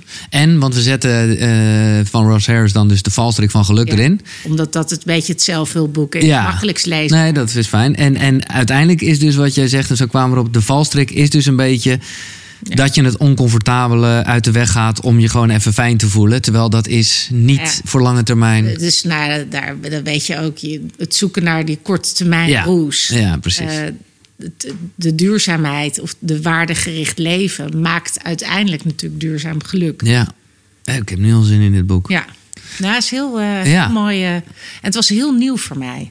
Omdat ik echt dacht, hè? Want jij werkt al wel als psycholoog. Ja. Precies. Maar, maar totaal niet op deze school. Nee, oké. Nee, en heel erg het serieus nemen van de gedachten. Ja. Maar ook het principe van het verdragen van rotgevoelens, dat had ik nog nooit mee kennis gemaakt. Nee, nee, nee. En ik ben ook zo gaan leven. Ja. Dus voor mij is deze Voor jezelf en voor je werk. heel belangrijk. Duidelijk. Oké. Boek 2. Ik moest, omdat het ging, wat heeft je geïnspireerd? Ja. Ik moest eh, koffie nemen. Ja. Dat was, moet je kijken, ik heb hem dus Helemaal verslonden. Helemaal verzonden, maar ook met T-packs. Oh. Mijn waarde weg. Het is een soort, Oh, oké, leuk. En dit was, dit was, eh, was jij nog een, een kleine Anne? Of, nou, ik heb net gekeken, want hij stond dus op me. Dus dit is, heb ik gelezen in 2002. Oh ja, oké. En ik denk dat dit eerste boek heb ik gedacht, die eerste drie eigenschappen. Ja. Dit is gewoon, je kan dus. Even kijken of ik er nog een beetje in zit. Eén is proactief. Ja. Twee is van achteren naar voor werken. Ja, precies. Drie is je- de belangrijke dingen, niet de urgente dingen. Time management, ja. Ja. Eh, ja, ik dacht gewoon, begin met het einde voor ogen. Dat is Ja. gewoon voor het eerst voor mij dat ik dacht, je kan regie nemen. Je kan bedenken wat je wil, je kan ernaar gaan leven. En eh, dat heeft me helemaal veranderd. Mhm. Toen ben ik voor mezelf begonnen. Toen heb ik bedacht, ik wil een bedrijf. Maar welk, oh, precies, welk einde zag je dan? Want dat vind ik soms best wel lastig. Dat je denkt, ja, maar wat, waar... de- ja, dat, Het eh, was voor mij alles. Ik was dik, ik Ja. wilde Oh, oké. slanker worden, ik wilde ehm, heel graag een product maken. Ik, voel, ik voelde me nooit groot. Ik dacht, ik wil een bedrijf hebben. Dus het was voor mij, dit boek. Ik bedoel, ik moest, ik heb hem echt heel lang niet meer gelezen. Nee. Omdat nu. Maar dit was gewoon voor mij een soort. Bam. Dat, dat de schellen voor mijn ogen wegvielen. Dat ik dacht, zo wil ik leven. En dat heb ik kunnen omzetten. En grappig genoeg heb ik, ik heb een NRC-recensie op de geluksroute gekregen. Ja. En toen refereerden ze aan eh Kofi. Terwijl, maar dat zit gewoon zo in jouw genen dat jij er nooit over nagedacht hebt. Ik heb er nooit, Oh, meer, leuk. nooit meer in gelezen. Maar dit was wel, als je het hebt over... Groundbreaking. mij, eh, was dit gewoon mijn eerste boek. Dus die hoorde erbij. Ja. Ook al is dit niet meer één die ik nu lees. Nee, nee, nee. Nou, eh, Maar goed, ze zitten wel gebakken in je. En eh, ik, ik zal nog even voor de luisteraar afmaken. En ook voor mezelf is dit een leuke test. Dus die 1, 2, 3 hebben we gehad. En dan gaat 4, 5, 6 gaat dan meer over samenwerken. Dus 4 is win-win. Ja. 5 is... ehm, eh, ja, nou, daar gaan we het zeker nog even over hebben. Empathisch vermogen, zou ik maar zeggen. We gewoon instellen wat de ander ervan vindt. Dan is 6 is eh, synergie. 1 en 1 is 3. En dan is 7, dat is ook een hele goeie, maar die vind Ja. ik soms ook heel moeilijk. Dat is ook. namelijk het scherp houden Ja. van de zeis. Ja, Van de, ja, za- schaag. de zaag, precies. Ja. Maar ik moet zeggen, die eerste drie, die waren voor mij Essentieel, oké. ja, ja. allerbelangrijkste. Ja. Daarop ben ik veranderd. Ja, ja, oké. In de serie van je kan dus kiezen regie te nemen. Ja. En dat kende ik daarvoor niet. Nee, wat ik zo moeilijk vind, maar dit is meer mijn eigen projectie. Wat ik zo moeilijk vind aan het scherp houden van de zaag. Het is wel eens een keer eerder benoemd in een gesprek, maar ik eh, kan me voorstellen dat niet iedereen altijd alles luistert. Het gaat er heel erg over dat je, nou ja, het is letterlijk het voorbeeld van iemand die heel snel eh, hout moet eh, zagen. Ja. Dat binnen een bepaalde tijd moet doen. En dat zo snel mogelijk probeert te doen. En dat iemand zegt, zou je niet even de, de zaag slijpen? Nee, daar hebben we geen tijd voor. Ja. Terwijl, ja, als hij gewoon even de tijd had genomen om die zaag te slijpen, dan had hij het Ja. veel sneller voor elkaar. afstand te nemen. Ja, maar voor mij is het ook glad ijs eh, om een beetje te verslappen. En ik weet dat het niet zo bedoeld is, maar dat is meer mijn eigen instelling. Maar wat bedoel je, glad ijs? Nou, dat ik gewoon een beetje dingen laat verslappen. En dat je, dat je zelfdiscipline eigenlijk. ehm, ja, dat je dat, dat loslaat. Ja. En dan, ja, dan is het niet scherp houden van de zeis meer. Of ja, van de dan kan zaag. het bijna een smoesje zijn. Exact, Eh, ja, exact. wel Wanneer, even- wanneer hou je jezelf eh, voor de gek of niet? Ja, dat, ja, is, eh, dat is zo interessant met persoonlijke ontwikkeling. Ja, überhaupt. absoluut. Dat je niet... Nou ja, dan... Dat, nee, ja, dat je niet. Dat, dat je jezelf niet loopt te fucken. Ja, Ja, ja, ja, ja dat is, dat is absoluut. dat vind ik... Ja. Dat is machtig mooi.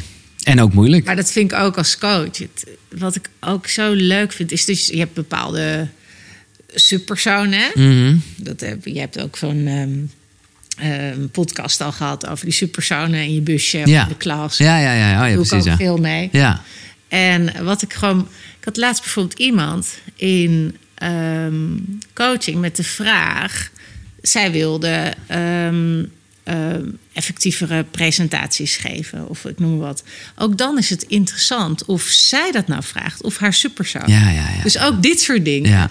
Zeg jouw superzoon Ja, eigenlijk, je moet de zaag nu scherp houden, Nee, dus dat is het. Of ben jij het zelf? En Ja. dat heb ik altijd. Maar ergens ben je het dus ook zelf, toch? Je bent toch ook de optelsom van de subpersonen? Ja. Ja, maar dat is de vraag. Ja. Of je eh, keuzevrijheid hebt of niet. Ja, maar goed, dat even. Nee, dit is eh, wat leuk, je benoemt. leuk, Is het je sub of niet? Heb je het echt bewust gekozen of niet? Ja. Of zit je jezelf te fucken en zeg Ja. dit heb ik gekozen. Maar dat is ook met eerlijke gesprek. Om even terug te Ja.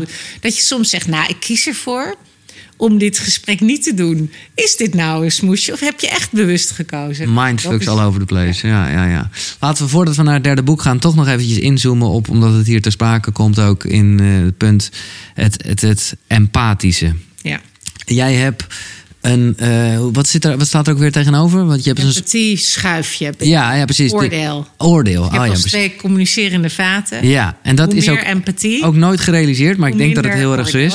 Dus of je hebt een eh, heel erg, nou ja, richting de oordeel. En dan, dan, nou ja, dat is wat veel mensen natuurlijk doen. Ja. Oordelen over anderen. Ja. Of je kan je gewoon heel erg goed voorstellen nou, waarom diegene dat zegt of doet of vindt. Of, eh, Echt in de schoenen van anderen. ja, en dat is dan het empathische. En, en daar moet je, of moet je, het zou fijn zijn als je daar zoveel mogelijk in staat. Dat is ook, nou ja, dat is inderdaad ook een Stephen Covey.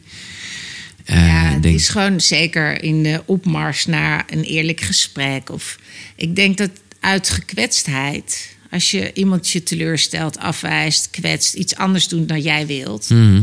Eh, je reflexen of je, regie- je reflexbrein, eh, je fight, zorgt dat je iemand dan heel stom vindt. Ja. Want dat is het makkelijkste om te voelen, iemand stom vinden. Het is moeilijk om te voelen dat iemand je pijn heeft gedaan of afwijst. Dus dit is wat mensen doen om zichzelf te wapenen tegen pijn. Nou, als je vervolgens een gesprek gaat voeren en je zit nog op tien in je oordeel. Nou ja, eh, Ja. de- je kan de regels niet eens val, vasthouden. Maar ook al deed je het technisch helemaal goed. Het is, je oordeel is hoorbaar. En dan schiet de ander in de verdediging. Dus het heeft geen zin. Nee.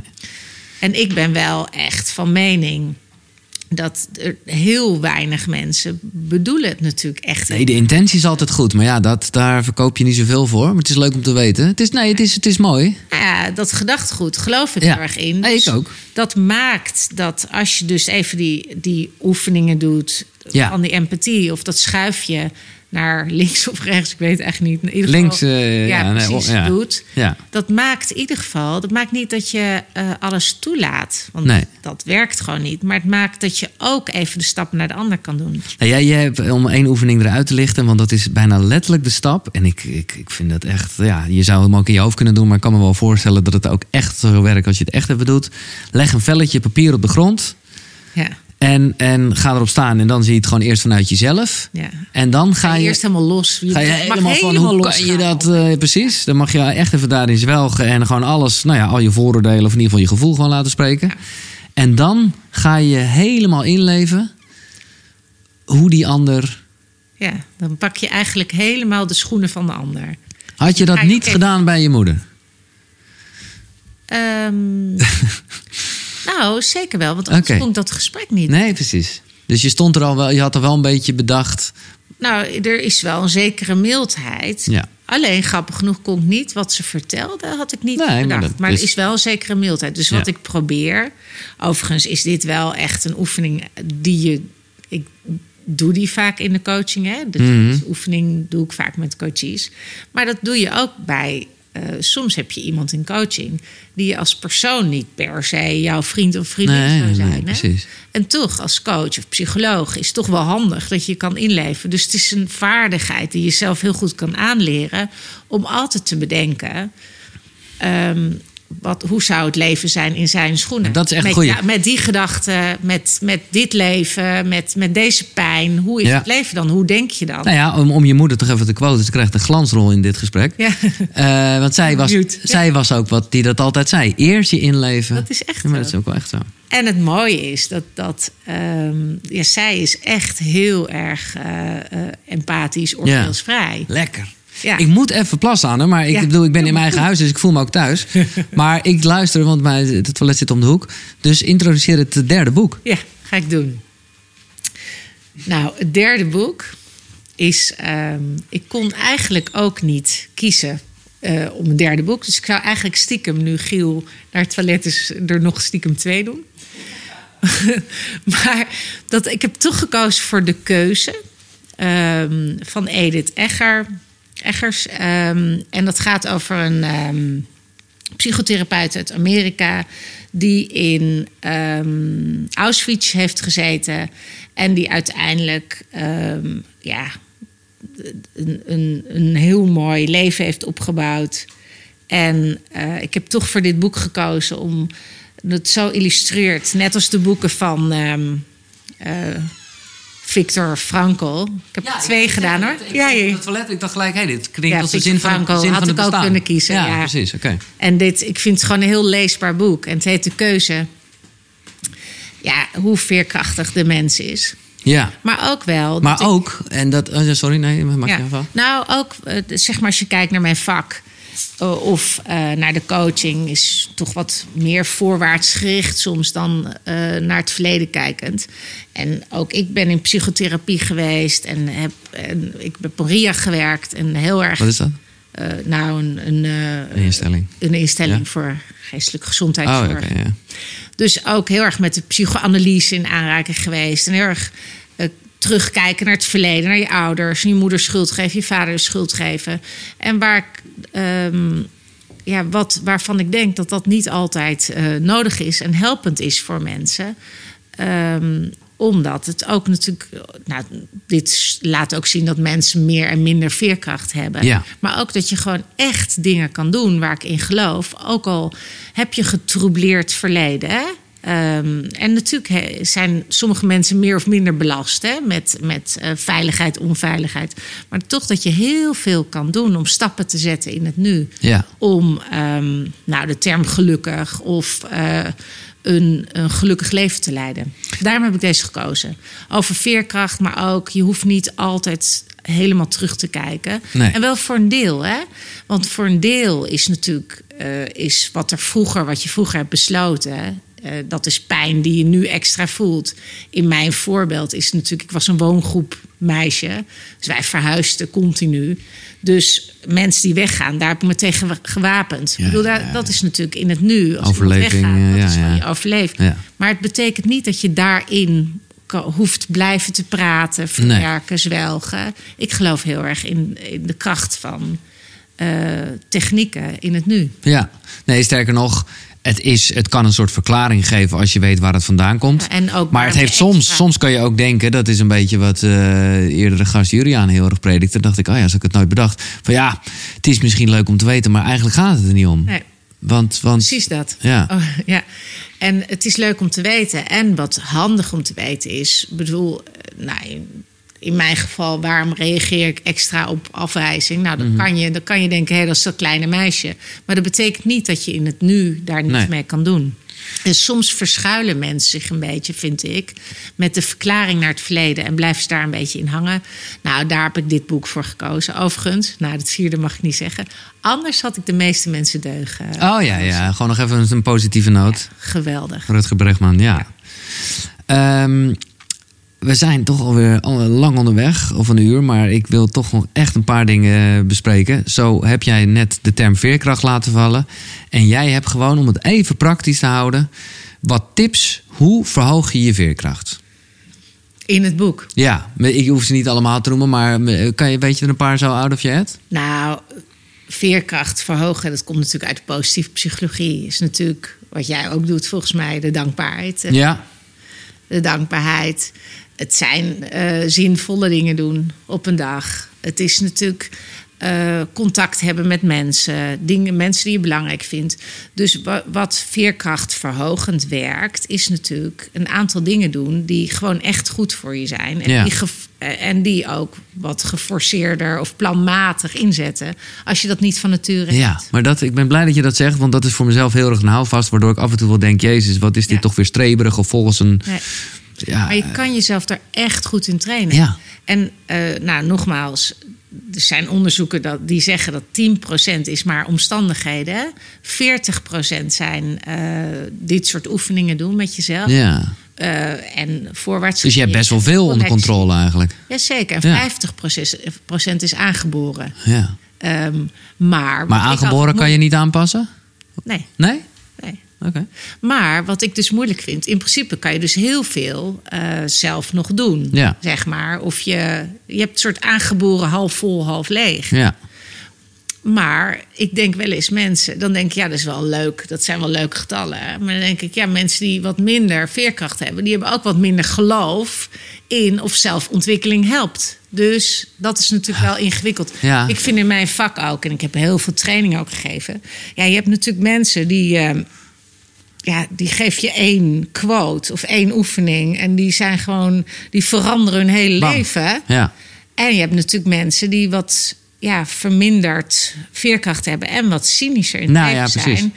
En die denken, ja, heeft allemaal geen zin. Dat Nee. maakt het allemaal natuurlijk wat lastig als je die in die hele zelfhulpbusiness hebt. Eh, Nou, wat ik al mooier vind, wat hier een beetje op aansluit, is dat jij op een gegeven moment schrijft dat eh, vechten tegen de werkelijkheid gewoon geen zin heeft. Nee. Omdat je van klagen word je niet beter. Dus ja, eh, dat is ook een beetje, denk ik, wat jij eh, met dat boek ook. eh, Mopper- die bomperverhalen Ja. over wat er allemaal tegen zit. Of hoe iemand anders zou moeten zijn. Dat is natuurlijk wat er heel veel gebeurt. Nou. We hebben de drie boeken gehad. Eh, andere vaste routine in het programma. En ik weet helemaal niet of je dit hebt. Los van cola drinken waarschijnlijk. Nee, dat is, begin niet meteen om nee oké. want dat is inderdaad de vraag. bijna wel. Wat is jij, heb je een ochtendritueel? Ehm, nee. Nee. Nou, Ja. nee. Ja. Behalve, ik heb wel één. Ik heb gewoon, ik, ik heb twee kinderen die in mijn huis wonen en een bedrijf wat om negen uur starten. Dus heel vaak ehm, eh, sta ik gewoon op eh, en ga ik mijn kinderen voeren. voeren. Ja. En- Voeren. nou, nog net niet, maar. en lees ik de krant en ga naar mijn werk. Ja, Als ik niet begin om negen uur, sport ik. ja oké. Dat is wat mijn. eh, maar het allerbelangrijkste 's ochtends vind ik geen haast. Nee, oké. Dus ik doe nooit aan haast. Maar ben jij voor de rest iemand die... eh, en het hoeft helemaal niet hoor, maar ik zit er natuurlijk gewoon zelf even helemaal in. Ben je iemand die mediteert? Nee. Nee. Maar dus wel heel graag sport. Ja, wat ook En, meditatief inderdaad is. Ja. Dus voor mij, ik heb wel alle mindfulness cursussen gedaan. Ja, ja, Ik heb ja. alles. En Ja, ik heb de Wim ja. Hofs gedaan. Ik heb alles gedaan. Koud douchen doe je ook niet meer? Eh, die heb ik een tijdje gedaan. Ik, mijn vriend heeft een boot. En 's ochtends zwemmen in de Amstel. Dat was Oh, dat vet. vind ik wel. Ja, Na Wim. Hof ging ik dat veel doen. Ja. Maar ik ben nu gestopt. Oké. Maar ehm, nee, ik heb geen eh, ochtendritueel. Ja, verfrissend ook hoor. Ik ga een beetje, dit is eh, eigenlijk, maar ja, dit is maar ook aan mijn eigen podcast. Dus ik zei eerder al, ik zit zelf heel erg op het maskerspoor. En voor de luisteraars die daar heel erg in zitten, eh, zoals ik, eh, zou ik toch eventjes ook wat tips en tricks over, eh, nou ja, de, de, de tactieken eerst, dat je daar bewust van bent. Eh, en dan dus ook de oefeningen. Leuk. Ik kan ook gewoon het boek aan jou geven, of weet je het uit je hoofd? Nee, Oh, nee, nee. ik weet ook niet wat je nu gaat. eh, Nou, welke je... ik vond er zelf gewoon heel erg. Nou, ik zal het je even. Omdat, Ja. ja, de, de- ja, ja de, de, de tactieken van het masker zijn zo. Ja, ik zou bijna zeggen venijnig. Gewoon ondoor. Ja, je, ja, je hebt het zelf niet door. Ja. Ja, en dit gaat inderdaad wat je nu eh, dan de maskertactieken om eh, niet te laten zien wat je voelt. Hè? Ja. Wat je eigenlijk Exact. om gevoelens te verstoppen. Ja. En ehm, heb ik een aantal categorietjes. En de, er is eentje die komt dan ook rechtstreeks uit mensen die ik dan dat zie doen, is bijvoorbeeld grappige verhalen vertellen. Er is iets heel naars gebeurd. Ja. En ehm, dan wordt het een soort comedy. En dan denk je ineens, hé, hey, iemand vertelt iets heel naars, maar we hebben heel erg moeten lachen. Dus dat is één manier Ja. die mensen gewoon gebruiken om eh, te verstoppen wat ze voelen. Ik vond, en dat vind ik zeker in deze podcast, ik, ik was er heel erg bewust van, ben ik dat aan het doen of niet? Maar jij noemt zelfs spiritualiteit ook als een, ja, ik Ja. zal maar zeggen, een escape. Ja. Ja. Dus hoe moet ik dat zien dan? Want misschien maak ik Nou, mezelf daar dan wat schuldig aan.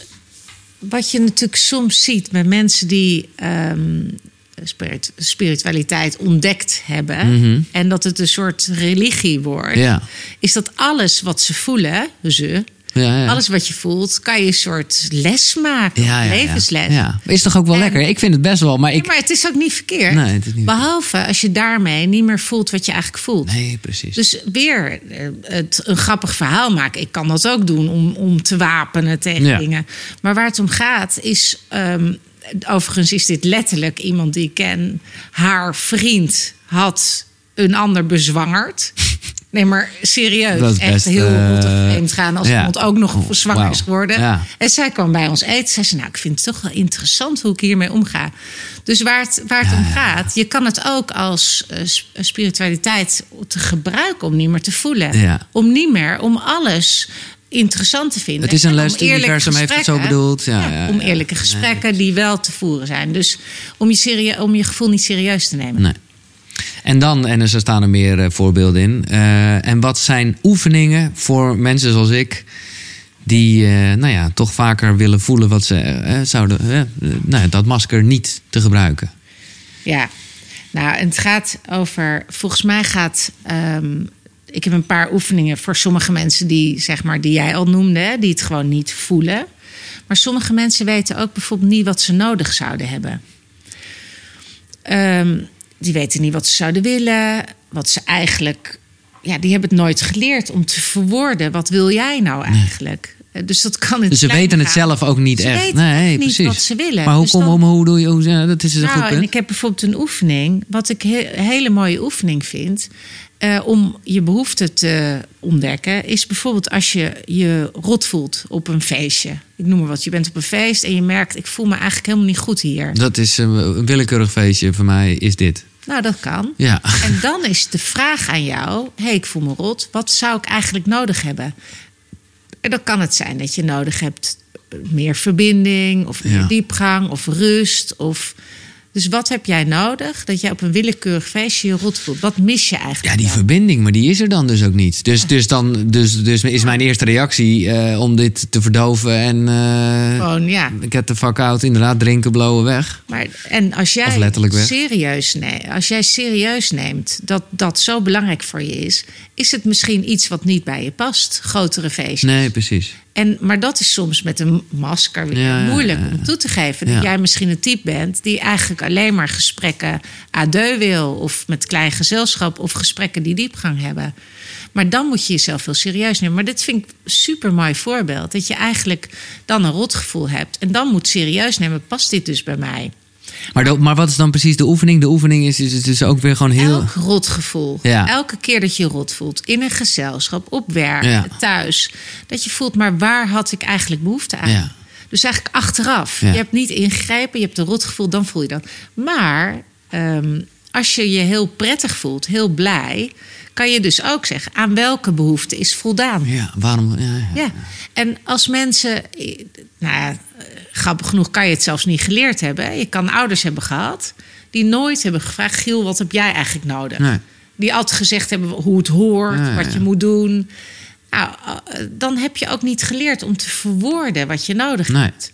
Nou, dat kan je jezelf aanleren, maar net als dankbaarheid of eh, net als alles wat Je je, moet het gewoon trainen. doet, moet je trainen. Ja. Dus en zo'n geluksroute of dit soort stappen zijn echt te trainen. Maar dan moet je natuurlijk de discipline hebben om het elke dag dat je je rot voelt, denkt: waar had ik eigenlijk behoefte aan? Dan komt er een patroon en dan kan je op een gegeven moment daar ook stappen in zetten. Dat vind ik dus mooi. Ja, Het is super gewoon mooi. echt veranderd. Ach, Anne, we kunnen echt uren doorpraten. Eh, dat gaan we ook wel een keer doen. Maar ik, eh, ik, nou ja, ik, heb, ik wil om te beginnen vragen. Voordat ik naar de vragen ga van luisteraars, die zijn hier dus Ja. niet aanwezig, maar die hebben ze wel gestuurd. Dus dat, dat, Ja, eh, dat, ja, vind ik ook leuk. Goede vragen.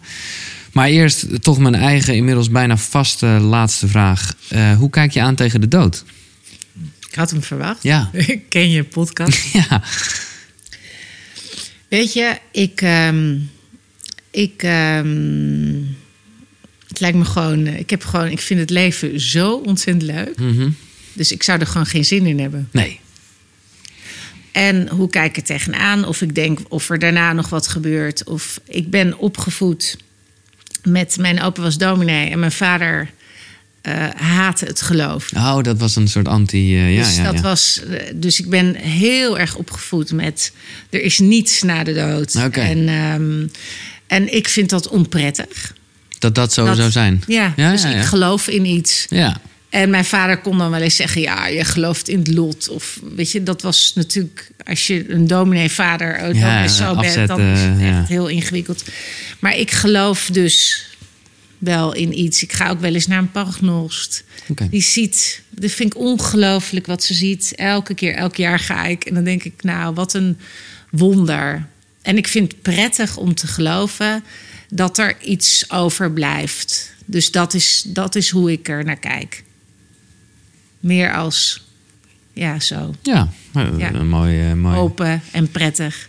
Ja, en voordat ik naar de vragen ga, dat is meer eh, ook een beetje projectie. Maar ben jij, want dat vind ik het moeilijkste.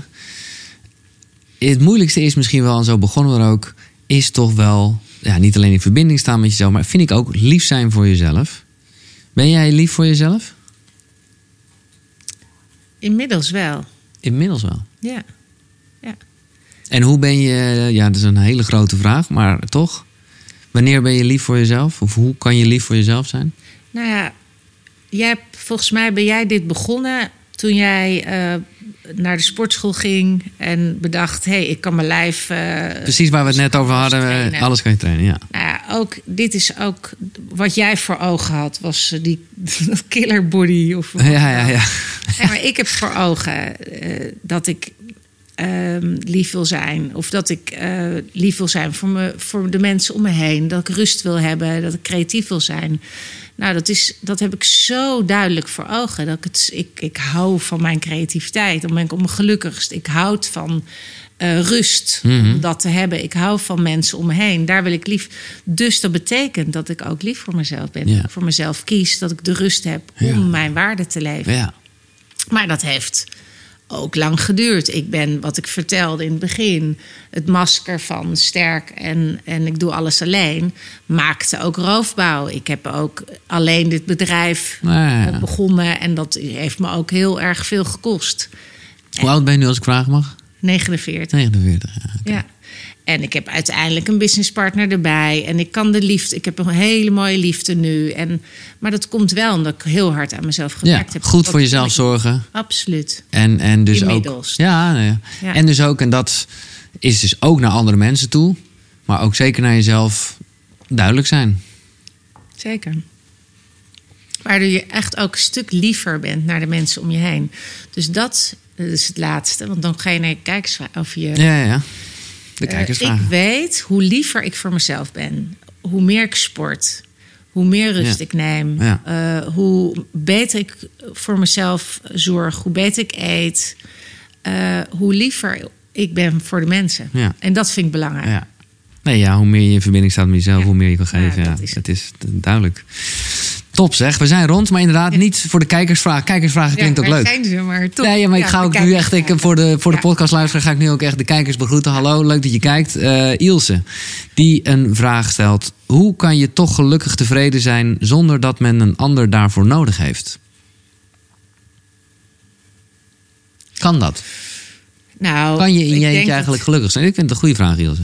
Ik denk dat je ehm, dat de mens niet gemaakt is om alleen te zijn. Nee. Geloof ik niet. Mensen is een sociaal dier. Ik denk dat Ilse, Ilse waarschijnlijk doel je ook op. Kan je gelukkig zijn zonder erkenning van anderen? Kan je jezelf ehm, leuk vinden zonder dat je gezien wordt? En ehm, ik denk dat dat dus heel belangrijk is. Maar dan hebben we het weer over voor jezelf zorgen. Ja, ja. Heel goed voelen wat jij voelt. Wat je grenzen zijn, wat belangrijk is. En ehm, daarin ben je op je gelukkigst, denk ik. Maar als je, als je echt helemaal op een eh, bergtop zou zitten in je eentje. Nou ja, als je een lama bent een monnik en totaal helemaal... eh, Ja, maar zelfs dan. Zelfs dan niet. Nee, een mens is gemaakt om sociaal te zijn. Ja. En om in verbinding te staan met anderen. Zo Ja. ben je gebakken. Ja. Maar je hoeft ook weer niet alleen de hele tijd de goedkeuring te hebben. Maar Nou ja, in je kindstuk wil je misschien de tijd erkenning. En daarin, daar zou ik wel allerlei oefeningen en ontwikkelingen op doen. Dat je dat wat minder nodig hebt. Dat je Ja. dat uit jezelf kan halen. Want dan krijg je ook dat die bevestiging maakt, het stuur overneemt, zeg maar. En dat je buiten je behoeften gaat lopen. Nou, dat sluit een beetje goed aan op de vraag van Sofie. We hebben dit behandeld, tenminste een soort van, maar laat ik hem gewoon stellen. Wat nou als je gelukkig wordt van andere mensen gelukkig maken? Ja, perfect. Ja, als je niet Nee. jezelf voorbij loopt dus. Ja, dus Ja. nou, dat schrijf ik ook in mijn boek. Laat het alsjeblieft, laten we elkaar blijven helpen. Nee, precies. Laat je lekker grensloos zijn. Laat je lief doen voor anderen. Laat je heel veel. Maar niet als je niet naar je eigen behoeften luistert. Want dan krijgt iemand als een boemerang terug. Ja, en dus ook niet als je stiekem zegeltjes aan het sparen Nee. bent en niet terug. Dus ook wat kies als je wat voor een ander doet. Bedenk wel, wil ik hier stiekem wat voor terug? Dus dat is ook een van de oefeningen in het boek van kies bewust. Ja, En eh, op het moment dat je bewust kiest, dan kan je tien keer helpen verhuizen of Ja. lief doen. Of dat maakt niks Ja. uit. Doe alsjeblieft. als het goed voelt en ook echt goed voelt, ja. Eh, twee vragen nog. Eh, Lot, die stelt zich af de vraag... hoe stop ik dat stemmetje in mijn hoofd? Ja. Ja. Ja. Hoe Vind ik wel leuk, want ik bedoel, ik, ik, ik, bedoel, Nou, ik denk dat... is natuurlijk, je hebt, een, je hebt een aantal technieken. Dat stemmetje in je hoofd zegt: eh, Ik moet lief zijn, of ik moet het perfect doen, of eh, ze, ze mogen me niet kwetsbaar zijn, zien. Dat is dat stemmetje. Er zijn een paar technieken voor. Je kan op zoek naar een ander deel die daar wat tegenover stelt. Hè. Vaak is dat een milder deel, eh, wat je wat minder hoort. Dus die kan je bewust, zeg maar, een. ehm, eh, de stem geven. Dus oh, dus een ander. Oké, dus, dus je, je haalt er Je een ander stemmetje bij. Eigenlijk. Ja, ja, ja, oké. Dus bijvoorbeeld de perfectionist Ja, of de love junk, die praten het tegen. Je moet tegen iedereen, je mag Ja. teleurstellen. ja, Nou, dan kan je achter in je bus zit er ook wel een, bijvoorbeeld een wat egoïstischer deel. Dus die kan je wat vaker een stem geven. Dat is één van de technieken. ja, ja. ja. Een andere techniek heb ik al genoemd. Dat is diffusie. Ja.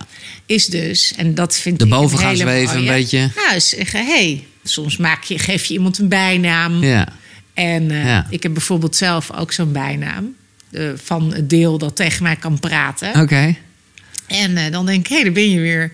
Maar ja, nou, ik, ik hoor je wel. Maar ik luister niet naar jou. Omdat ik gewoon richting mijn waarde wil leven. Maar luister je er nooit naar dan? Is dat meer een soort roepende... Als ik er nodig heb. Ja, precies. Maar meer, je kan natuurlijk gewoon die stem. ehm, en vandaag had ik toevallig een coachsessie.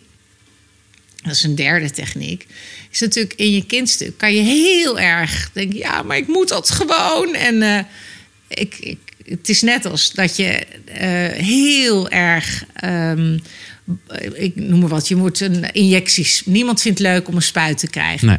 Nou, dan kan je bij de dokter gaan zeggen van... ehm, oh, ik wil het echt niet, oh, ik wil het echt niet. En dan wordt het natuurlijk heel naar. Je kan ook ja. zeggen, ja, ik ga er gewoon nu even niet naar luisteren.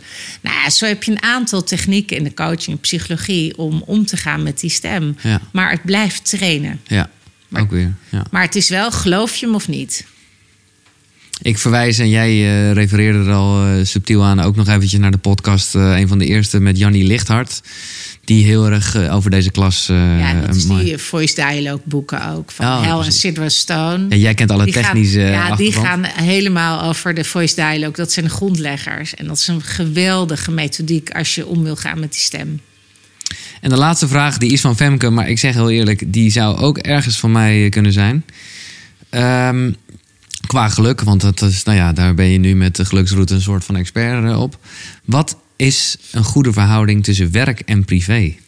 Ja, ja, dat is voor iedereen eh, natuurlijk anders. ja, maar ook per moment. Ja. Ja, en het is ook weer je waarde. Wat is Ja. belangrijk voor je op Ja. dat moment? En wat zijn je waarden?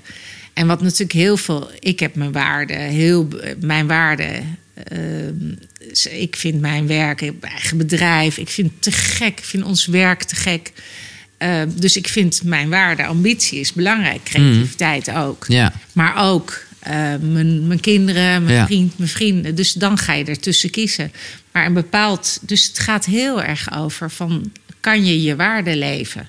Nee, precies. Nou, ik ben dat, blij dat je dat zegt. Dat want dat geeft, me, anders. dat geeft mezelf wel heel veel rust. Want ja, ik bedoel, laat ik vooropstellen... ik doe gewoon waar ik gelukkig van denk te worden. Te worden, ja. En ja, maar ik moet eerlijk zeggen... ja, is dit werk wat ik nu aan het doen ben? Daarom. Ja. Dus, en ik vind mensen die 80 uur werken, of ik heb ook, ik, als ik schrijf, joh, ik kan zo gepassioneerd zijn. Ik kan echt zoveel. Maar ja, werken. je, je, volgt dan je hart. Maakt niet uit. Nee, nee, nee. Als je maar niet je andere waarden niet meer bedient. Dus volgens mij is er geen perfecte balans. Nee. Maar is het dus heel erg ook weer je behoefte voelen, wat we net deden. Ja. Kijken of het nog klopt, de balans. Ja, uh, bedankt voor je boek. Uh, en het mooie is, uh, ik, ja, het is heel leuk gesprek. Dat wil ik wel even gezegd hebben. Is het gewoon de geluksroute.nl? Of het, ja, ja, geluksroute.nl. Waar mooie we ook de e-learnings hebben over hoe het moet, inderdaad. Ja. Ik vond het leuk, Jos, ook de primeur. Tenminste, ik heb hier wel vaker gesprekken gehad met mensen. Maar dan waren er meestal geen camera's en microfoons bij. Ja. En nu wel. En ik vond het een heel fijn gesprek. Ik ook. Ik ga, ja, bedoel, er zijn hier nog twee man, want meer dan vier mag niet, dus ja. we gaan niet klappen. Maar inwendig uh, ja. een groot applaus. Ja, super bedankt voor de uitnodiging. Dankjewel, Anne de Jong van de Geluksroute. Uh, dit was Koekeroe. Uh, leuk dat je hebt gekeken of geluisterd. Als je hebt gekeken, dan is het YouTube. Dan is het leuk om duimpjes omhoog te doen. Abonneren kan je leren. Uh, en als je dit hebt geluisterd, doe je het via iTunes. Uh, ja, ik uh, blijf het ook een beetje uh, bij de hand vinden dat ik dat nu moet zeggen. Maar doe een keer een recensie en sterretjes. Want daarmee komt de podcast blijkbaar beter in de spotlight. En dat is van belang. En als je gewoon lekker via Spotify of een andere player luistert... dan is het gewoon altijd leuk om dat eventjes te delen op social media. En check natuurlijk ook de website. Dat is qqru.nl. Dus k-u-k-u-r-u.nl. Uh, bedankt voor het luisteren. Graag tot de volgende. Misschien weer hier en anders ergens anders. Zonnegroet. Hoi.